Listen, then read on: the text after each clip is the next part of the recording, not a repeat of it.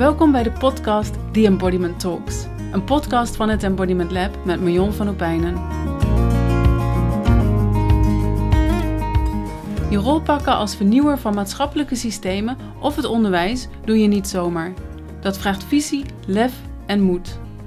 In deze podcast maken we een diepe duik in inzichten en kennis over hoe we als mens bedraad zijn en hoe meer lichaamsbewustzijn jou kan helpen om stevig te staan in deze pioniersrol. Ik neem je mee op mijn eigen zoektocht en ik deel achtergrondinformatie, ga in gesprek met experts en reik je oefeningen aan. We denken, voelen en doen. Leuk dat je hier bent en ik wens je veel luisterplezier.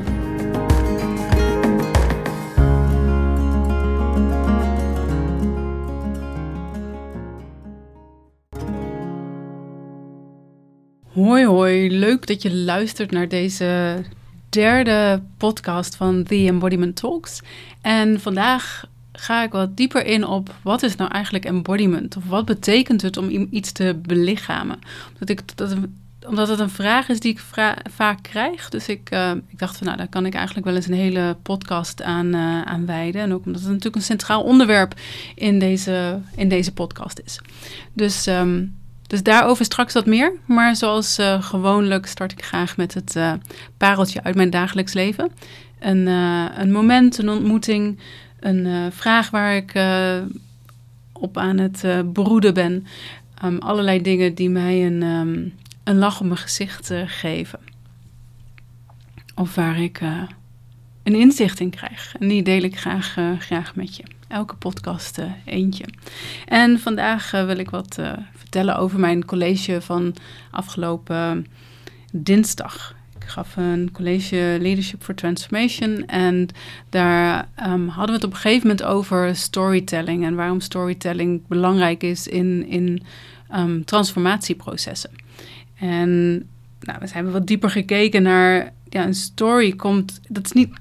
Een, een, verhaal kan je niet alleen maar hoofdelijk vertellen. Een verhaal is ook iets wat je wat, wat meer uit jezelf komt. Wat je wat je beleeft. Zelfs als je het vertelt, kun je het, um, kun je het beleven. En dat, dat is ook wat de ander hoort. Dus die, die, die lift als het ware mee op, op jouw beleving op het moment dat je een verhaal vertelt.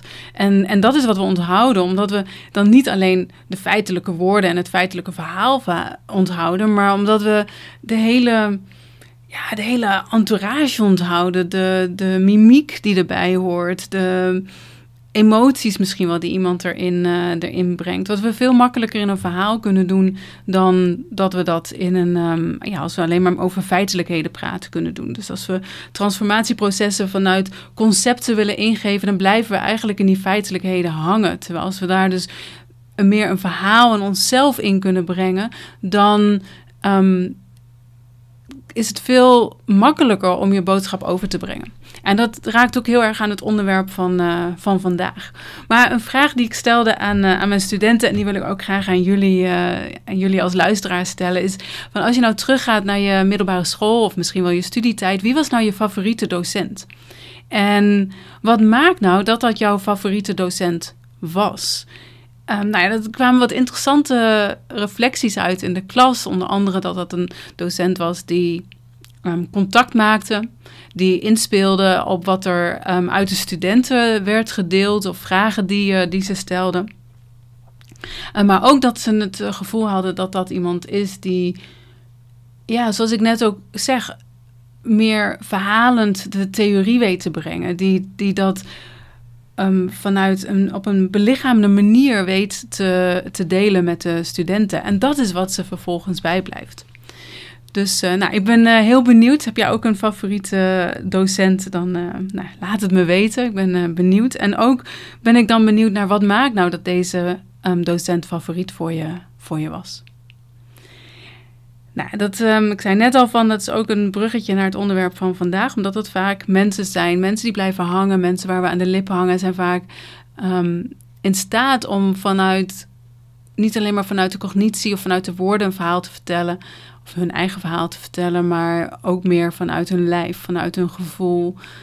Um, en, en eigenlijk ook de doorleefdheid van het verhaal laten zien. En dat is precies waar deze podcast over gaat. Omdat ik ja, ik krijg regelmatig de vraag van ja, wat is dat nou eigenlijk, embodiment? En het is ook een woord wat we, wat we heel veel horen op het moment. Het wordt steeds vaker gebruikt. En, ehm, en dan denk ik van ah, eigenlijk een hele goede vraag. Want het, antwoord daar is, op is ook niet zo eenduidig. Als je, als je gaat kijken naar, naar verschillende mensen die bezig zijn met embodiment, dan hebben we toch allemaal een iets andere uitleg aan het woord ehm, embodiment. Dus ik ga in deze podcast daar een uitleg aan geven hoe het voor mij relevant is in de context van embodiment en, en maatschappelijke systeemverandering. Um, maar ik was ook wel even nieuwsgierig naar wat er nou eigenlijk um, wat een, een, woordenboek daarna op zegt. Dus ik heb wat, uh, wat gegoogeld. En dan uh, lees ik onder andere uh, bijvoorbeeld van embodiment bestudeert het subjectieve aspect van het lichaam. Het lichaam wordt niet gezien als een object, maar als een wie we zijn. Ik denk, nou, dat is een interessante definitie. Omdat het subjectieve aspect van het lichaam maakt natuurlijk al dat het niet um, iets objectiefs is. Dat, dat het niet iets is wat heel feitelijk is en wat we dus kunnen, kunnen meten, zeg maar. Of wat voor iedereen op dezelfde manier wordt uh, gezien. Maar ook dat daar dus verschillende lagen aan zitten. Waarvan we misschien een deel wel kunnen zien en waarvan we een deel ook niet kunnen zien. Nou, daar zal ik straks ook nog wel wat meer over, uh, over zeggen.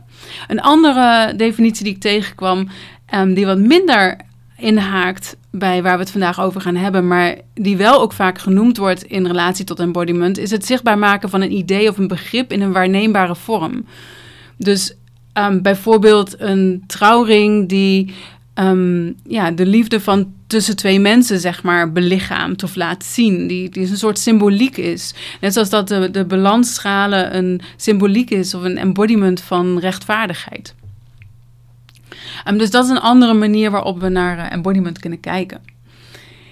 Um, maar goed, zoals ik net al zei in deze, deze podcast wil ik dus wat dieper kijken naar de, ja, zoals ik embodiment interpreteer, um, zoals het voor mij relevant is om, om meer begrip te hebben van de waarde van belichaming of van embodiment in maatschappelijke systeemverandering.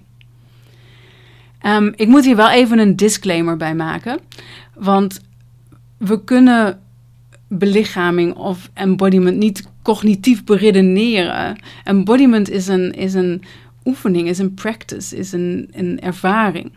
En dat is iets wat we, wat we doen. En ook iets wat we steeds weer moeten herhalen, zodat we neurale paden aanleggen die, die maken dat we iets embodyen. Dus dat we ook, zelfs als we daar onbewust van zijn, um, uitstralen wat voor, wat voor ons waar is. Dus um, ik neem meteen even een illusie weg. Je wordt niet embodied bij met het, door het luisteren naar deze, deze podcast. Um, want ja, dan, dan gaan we echt wel voorbij aan, uh, aan, aan wat het is. Maar ik hoop wel dat ik je, ja, je nieuwsgierigheid kan, uh, kan aanwakkeren. En, uh, en ik ga ook heel erg proberen om het niet iets absoluuts te, te maken. Dus in deze podcast ga ik eerst wat dieper kijken naar het lichaam en op welke manieren het lichaam eigenlijk waargenomen kan worden door anderen. En dat is precies ook waar die embodiment dan inhaakt. En ja, vandaar het begrip verdiepen we ons ook wat meer in het begrip embodied zijn of iets belichamen.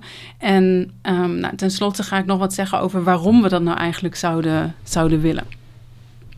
Maar goed, laten we even teruggaan naar de definitie van, van net. Want wat, wat er in beide twee definities die ik noemde eigenlijk terugkomt, is dat het iets zichtbaar maakt. En um, in, in dit geval omdat het, uh, gaat het over um, dat, dat het lichaam iets zichtbaar maakt. En dat kan bewust zijn, maar dat kan ook heel onbewust zijn. En ik denk heel veel dingen die we uitstralen zijn eigenlijk heel erg onbewust. Maar allereerst is het dan natuurlijk interessant om te kijken van hé, maar wat stralen we dan eigenlijk uit met ons lijf? Nou, daar hebben we, heb ik vier dingen waar ik even op in wil gaan. En dat is dus onze, um, onze houding, um, expressie uh, onze emoties en de energie die we uit, uh, uitstralen. En als ik het over onze houding heb, dan is er in onze houding heel erg veel af te lezen. Dus als ik bijvoorbeeld ergens onzeker over ben, dan zal ik wat meer, um, zal ik wat meer in elkaar gaan, gaan zitten. En dan trek ik misschien zelfs mijn energie al wat terug, zodat ik wat minder zichtbaar word, omdat ik, dat er iets in mij het eigenlijk niet helemaal zeker weet. Terwijl als ik ergens heel zeker van ben, of als ik iets um, heb, meegemaakt en dat vertel, dan kan ik juist wat meer rechtop gaan, gaan staan. Um, mijn schouders wat naar achteren, mijn ruggengraat wat meer omhoog, waardoor ik wat zelfverzekerder over kan komen. En dat zijn hele onbewuste processen, hoe ons lichaam eigenlijk meebeweegt met wat er daadwerkelijk in ons leeft. Dus zelfs als ik onzeker ben over iets, maar denk van, oh, ik ga hier even heel zelfverzekerd over doen, alsof ik het allemaal weet, dan loopt er, ja, dan loopt er toch iets mee wat voor de ander voelbaar is, dat ik het eigenlijk ook niet helemaal weet. En bijvoorbeeld kan, dan kan mijn stem bijvoorbeeld wel eens gaan, gaan knijpen. Kan ik heel eigenwijs iets vertellen, maar ondertussen knijpt mijn stem een beetje. Ja, en dat, dat, dat is te horen. Dat, dat merkt de ander ook. En dan uh, merk ik dat zelf ook wel eens en dan ga ik daar lekker overheen. Maar um, eigenlijk zit er dan een stukje onzekerheid in mij. Um, het tweede punt wat ik net noemde was de, de expressie. Dus de verbale e-, expressie, de woorden, de, de tone of voice, de, onze stemgeluid wat we, wat we gebruiken. Maar ook onze facial expressions, onze, onze gezichtsuitdrukkingen of um, onze bewegingen die we maken. Dus ik heb altijd een heel bewegelijk lijf als ik, uh, als ik praat. Dus daarmee is ook dat, dat wat ik zeg, zeg maar, dat geef ik dan ook letterlijk vorm met de bewegingen die ik maak. Als dat niet helemaal met elkaar matcht, kan dat soms ook heel raar eruit zien. Maar dat is wel, dus ook daar in de expressie, we zijn natuurlijk heel bewust van de woorden die we gebruiken. Onze intonatie is soms, zijn we daar bewust van, soms ook wat minder. Maar uh, de uitdrukkingen die we maken met onze bewegingen, met ons lichaam, met onze um, gezichtsuitdrukkingen, zijn we heel vaak helemaal niet van bewust. Maar de ander, die ziet dat wel. Um, dan hebben we onze emoties. Nou emoties kunnen natuurlijk zichtbaar zijn. Dus als ik ergens door geraakt word wat me ontroert en dan krijg ik tranen in mijn ogen, dan, ja, dan is dat zichtbaar. Maar als ik tegelijkertijd probeer om bepaalde emoties te onderdrukken, omdat ik bijvoorbeeld eigenlijk heel chagrijnig ben en boos, maar ja, ik ben ergens en ik ga heel vrolijk zitten doen. Dan mensen die voelen ergens wel dat, dat ik dan niet helemaal authentiek ben in, wat ik, in wie ik in dat moment ben. Want ik ben um, een, iemand aan het voorhouden, namelijk dat ik heel vrolijk ben um, en gezellig. Terwijl, ja, eigenlijk, eigenlijk ben ik dat niet. En dat haakt ook in op het vierde aspect, wat gaat over de energie die we uitstralen. Dus in alles wat we, wat we doen, daar, daar loopt ons lichaam mee. En dat is wat we onbewust uitstralen. En waar onze zenuwsystemen, dus waar mijn zenuwsysteem communiceert met het zenuwsysteem van een ander.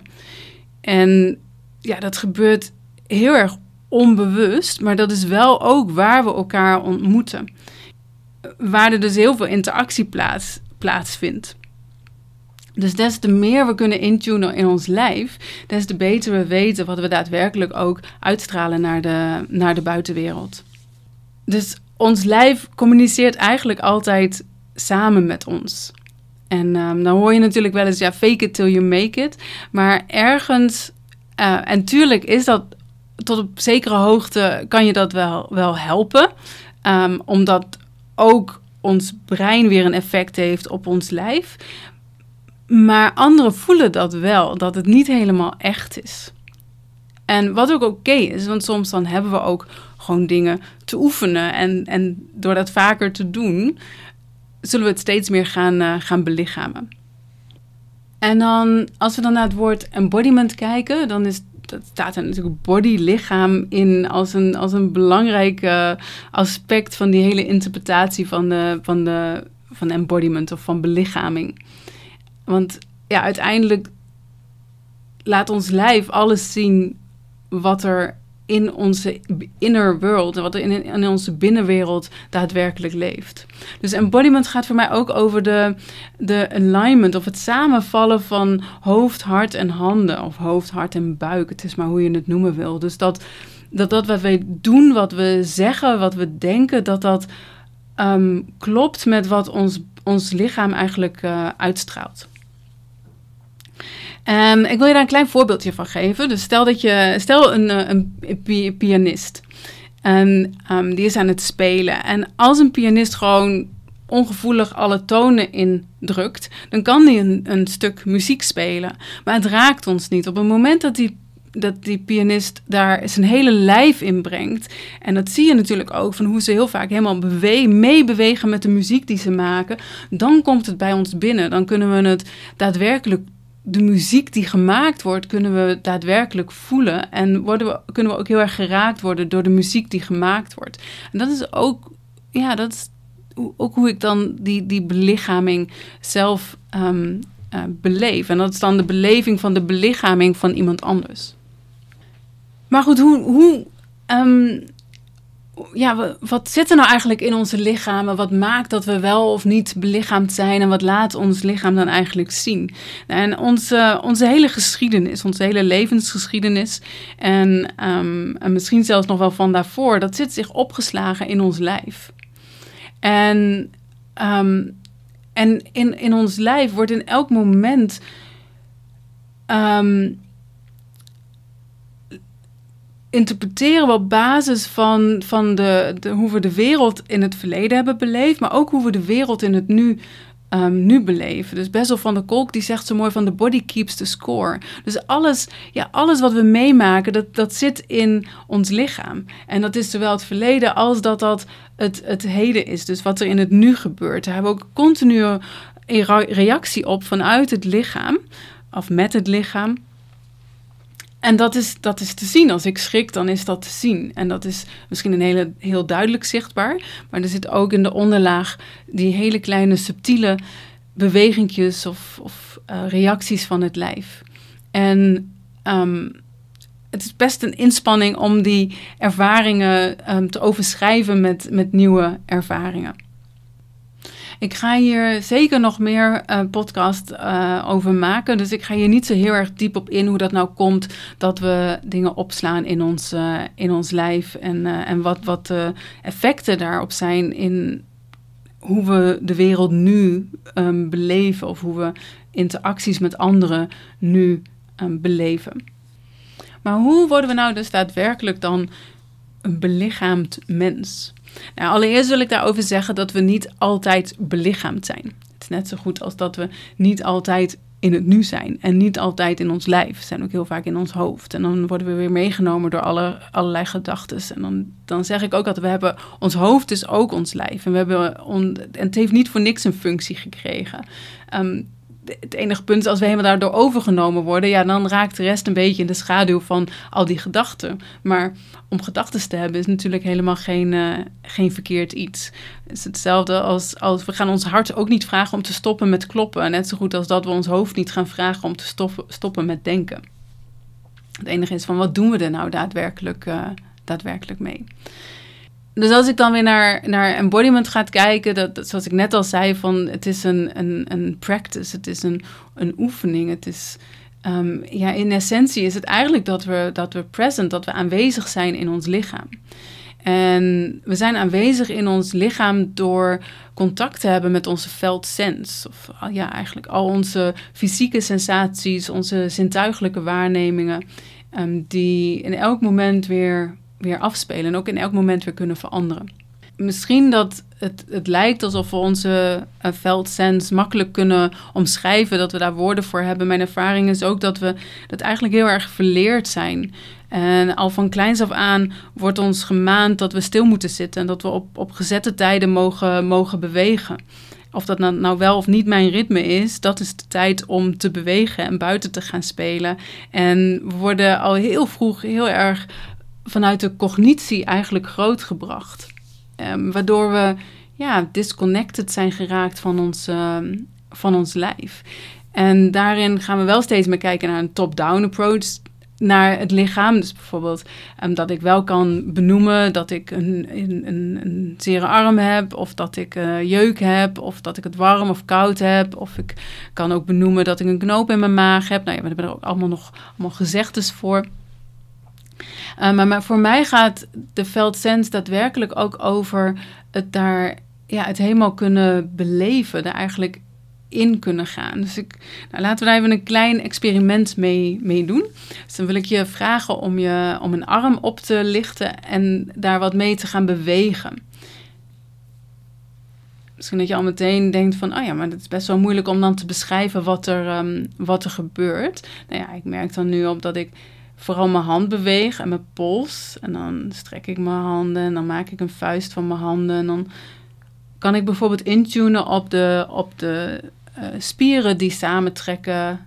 En dat zijn dan andere spieren als ik hem strek dan wanneer ik een vuist maak. Dus ik kan gaan beschrijven van wat er in mijn hand gebeurt. Als ik het over de felt sense heb en over embodiment, dan gaat het meer, kan ik ook ervaren dat die hand aan het bewegen is. En dan wordt het al veel moeilijker om daar woorden aan te geven. En het verandert ook van moment tot moment. Je, mijn vingers bewegen wat. En op het moment dat ik daar ga proberen er alleen al um, woorden aan te gaan geven, dan, dan raak ik al. Dan ga ik al vastzitten in een bepaalde fysieke sensatie. Want dan ga ik die verder proberen te analyseren. Terwijl die felt is, is eigenlijk een, een vloeiende beweging van de beweging van mijn hand. Dan kan ik bijvoorbeeld waarnemen dat er ook wind ontstaat als ik mijn hand zo beweeg door de lucht. En dat sommige bewegingen misschien wel ontspannen zijn en andere niet. Dat is ook waar voor mij embodiment over gaat. Het is een, een, een bepaalde vloeiendheid in het lijf, een fluidity, waar we ja, continu mee bewegen. Dan is er dit en dan is er dat.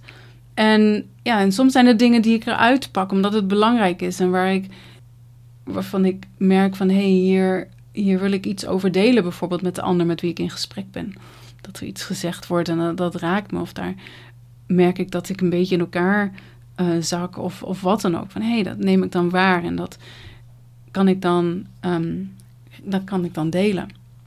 Dus nou, ga maar eens wat daarmee experimenteren of je echt in ja, in de beleving van die beweging kunt zijn. In plaats van in het beschrijvende uh, te blijven.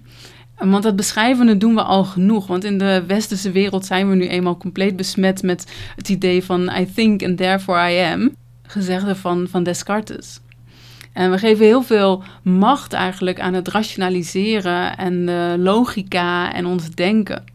En daar is ons lichaam en alle intelligenties die met ons lichaam komen, is daar ondergeschikt aan geworden. Dus we hebben, zijn, zijn masters geworden in het eh, kijken naar ons lichaam. Ehm, en in het lichaam zien als, een, um, als ons uh, karretje dat ons hoofd um, rondbrengt. maar we zijn niet meer zo goed in het daadwerkelijk beleven van wat er in ons lijf, wat er in ons lijf is. Dus embodiment of belichaming gaat ook over het, eigenaarschap nemen van alles wat er in jou is. Maar noem ik echt alles. Ehm, want daarmee doe je ook recht aan je eigen heelheid. En daarmee um, raak je ook in alignment tussen je hoofd, hart en je, en je handen. En dat is wat, wat resoneert in de wereld. Dat is wat de ander opmerkt.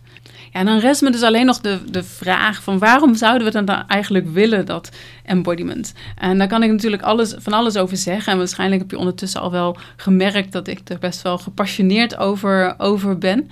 Ehm, maar ik zou, wil je eerst wat delen over wat het mij heeft, uh, mee heeft gebracht.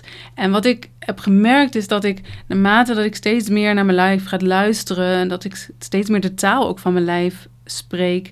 en mijn hoofd, hart en mijn handen steeds meer um, met elkaar in overeenstemming komen, merk ik dat ik meer in balans aan het raken ben. En dat ik minder snel uit het lood geslagen ben als ik in een uitdagende situatie zit. En, en dat neemt echt niet weg dat ik dat dat nog regelmatig gebeurt. Maar er is wel een stuk veerkracht. Dus dat ik ook al ben ik dan even uit het lood geslagen, dat ik heel snel weer terug kan naar mijn midden. En daar vanuit, vanaf wat meer afstand naar kan kijken van hé, wat gebeurt er nou eigenlijk echt? En, en hoe, ja, hoe ernstig is dat nou eigenlijk? En nou, dat geeft sowieso ook minder, uh, minder stress. Dus makkelijker relativeren is natuurlijk ook, uh, ook uh, minder stress. En het helpt me ook om in contact te komen met anderen en mezelf helemaal in te brengen in het contact. En dat kan ik doen door um, ja, te zorgen dat ik eerlijk naar mezelf ben en naar wat ik in me voel. Um, maar ook door dat bijvoorbeeld in het contact te brengen. Dus als ik geraakt ben in het contact, dat ik dat dan verwoord naar de ander toe. waardoor eigenlijk het gesprek op een heel ander niveau plaatsvindt. Dus... En ik, um, ja, het is een beetje lastig over jezelf te zeggen, maar wat ik wel zie bij mensen die ik zelf heel erg um, embodied vind of heel belichaamd vind, dat ze een bepaalde authenticiteit hebben. Want hun lijf spreekt voor hun. En um, die heelheid is, is te zien en dat maakt mensen authentiek. Dus je kan eigenlijk alleen maar echt present zijn in het moment, op het moment dat je ook helemaal aanwezig bent in je, in je lichaam. Wat een, ja, een bepaalde, bepaald natuurlijk gevoel geeft van levendigheid, van, ja, van vreugde, um, maar ook van, van zelfvertrouwen. Dus als ik kan vertrouwen op mijn eigen lijf, dan, dan kan ik dat ook uitstralen. En misschien nog wel het belangrijkste van wat het mij heeft gegeven, is dat ik mijn eigen fysieke beweging. Ik heb nou eenmaal een bewegelijk lijf. En dat, um, ja, dat heb ik altijd een beetje moeten onderdrukken. Omdat het niet zo goed uitkwam op school. Of omdat ik uh, thuis moest stilzitten. Of weet je, er zijn, we zijn zo gewend geraakt aan dat we stil moeten zitten. Dat ik Um, ja, misschien nog wat het meest belangrijke van alles is dat ik mijn beweging heb teruggekregen. Door meer in mijn lijf te gaan, um, gaan zitten. En we zijn nu eenmaal als mens bewegelijke wezens. En daarmee beweeg ik dus eigenlijk ook meer door het leven dan dat ik um, ja, mezelf door het leven heen denk. Nou, ik realiseer me dat ik best wel veel woorden heb. Uh, gebruikt. Nee, het is natuurlijk ook in een podcast. Dus daar ga je natuurlijk veel uh, vertellen. En uh, ik moet daar misschien zelf ook nog een beetje aan, aan wennen. Het is ook nog maar mijn derde podcast. Maar um, nou, misschien dat dit wel ook wel even een mooi moment is om, om bij jezelf even in te checken van hé, hey, wat, wat ervaar ik op dit moment in mijn, in mijn lijf? En ben je echt bewust van wat er in jou gebeurt? Dus wat er beweegt er in je? En wat er in je beweegt, het kan, kunnen ook emoties zijn, of het kunnen ook gedachten zijn, maar het kan ook, kunnen ook hele fysieke um, bewegingen zijn. Bijvoorbeeld je, je borstkast die op en neer beweegt met je adem. Misschien word je je wel bewust van dat je koude handen of voeten hebt. En dan zonder daar enig oordeel aan te hebben, maar het gewoon waar te nemen. Want dit is uiteindelijk wel waar um, embodiment of waar belichaming uh, start. Nou, ik denk dat ik nu wel even genoeg heb gezegd over um, embodiment. En ik hoop dat het je ook wat inzicht heeft, uh, heeft gegeven. En dat je ja, meer ook bij jezelf kunt nagaan van... hé, hey, wanneer, wat zijn nou momenten waarop ik zelf eigenlijk... Ja, mijn eigen heelheid helemaal omarm. Inclusief alles wat er in mijn lijf uh, gebeurt.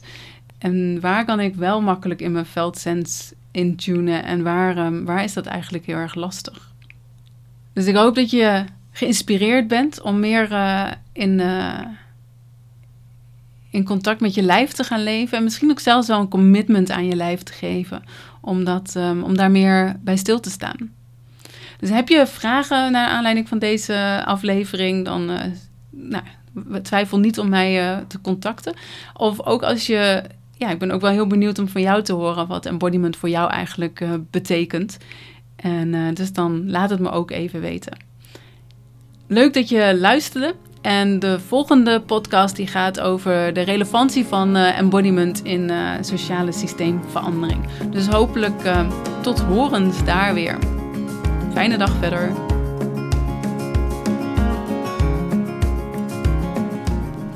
Dat was hem weer. Leuk dat je luisterde naar deze aflevering van The Embodiment Talks. Ik zou het leuk vinden als je me laat weten wat je ervan vond of welke inzichten je eruit hebt gehaald. Mail me op marion.embodimentlab.nl Dit mailadres kun je ook gebruiken om met me in contact te komen. Of als je me een onderwerp of vraag wilt sturen, zodat ik daar in een van mijn volgende afleveringen dieper op in kan gaan. Wil je op de hoogte gehouden worden van nieuwe afleveringen? Abonneer je dan op deze podcast. Of ken je iemand voor wie deze podcast ook interessant is? Twijfel niet en stuur een link door. En vergeet ook niet deze podcast te liken of een comment achter te laten als dat in jouw podcast-app kan. Meer informatie over mijn werk vind je op mijn website embodimentlab.nl. Korte filmpjes over relevante onderwerpen post ik op mijn YouTube kanaal Embodiment Lab. Dankjewel voor het luisteren en graag tot een volgende keer.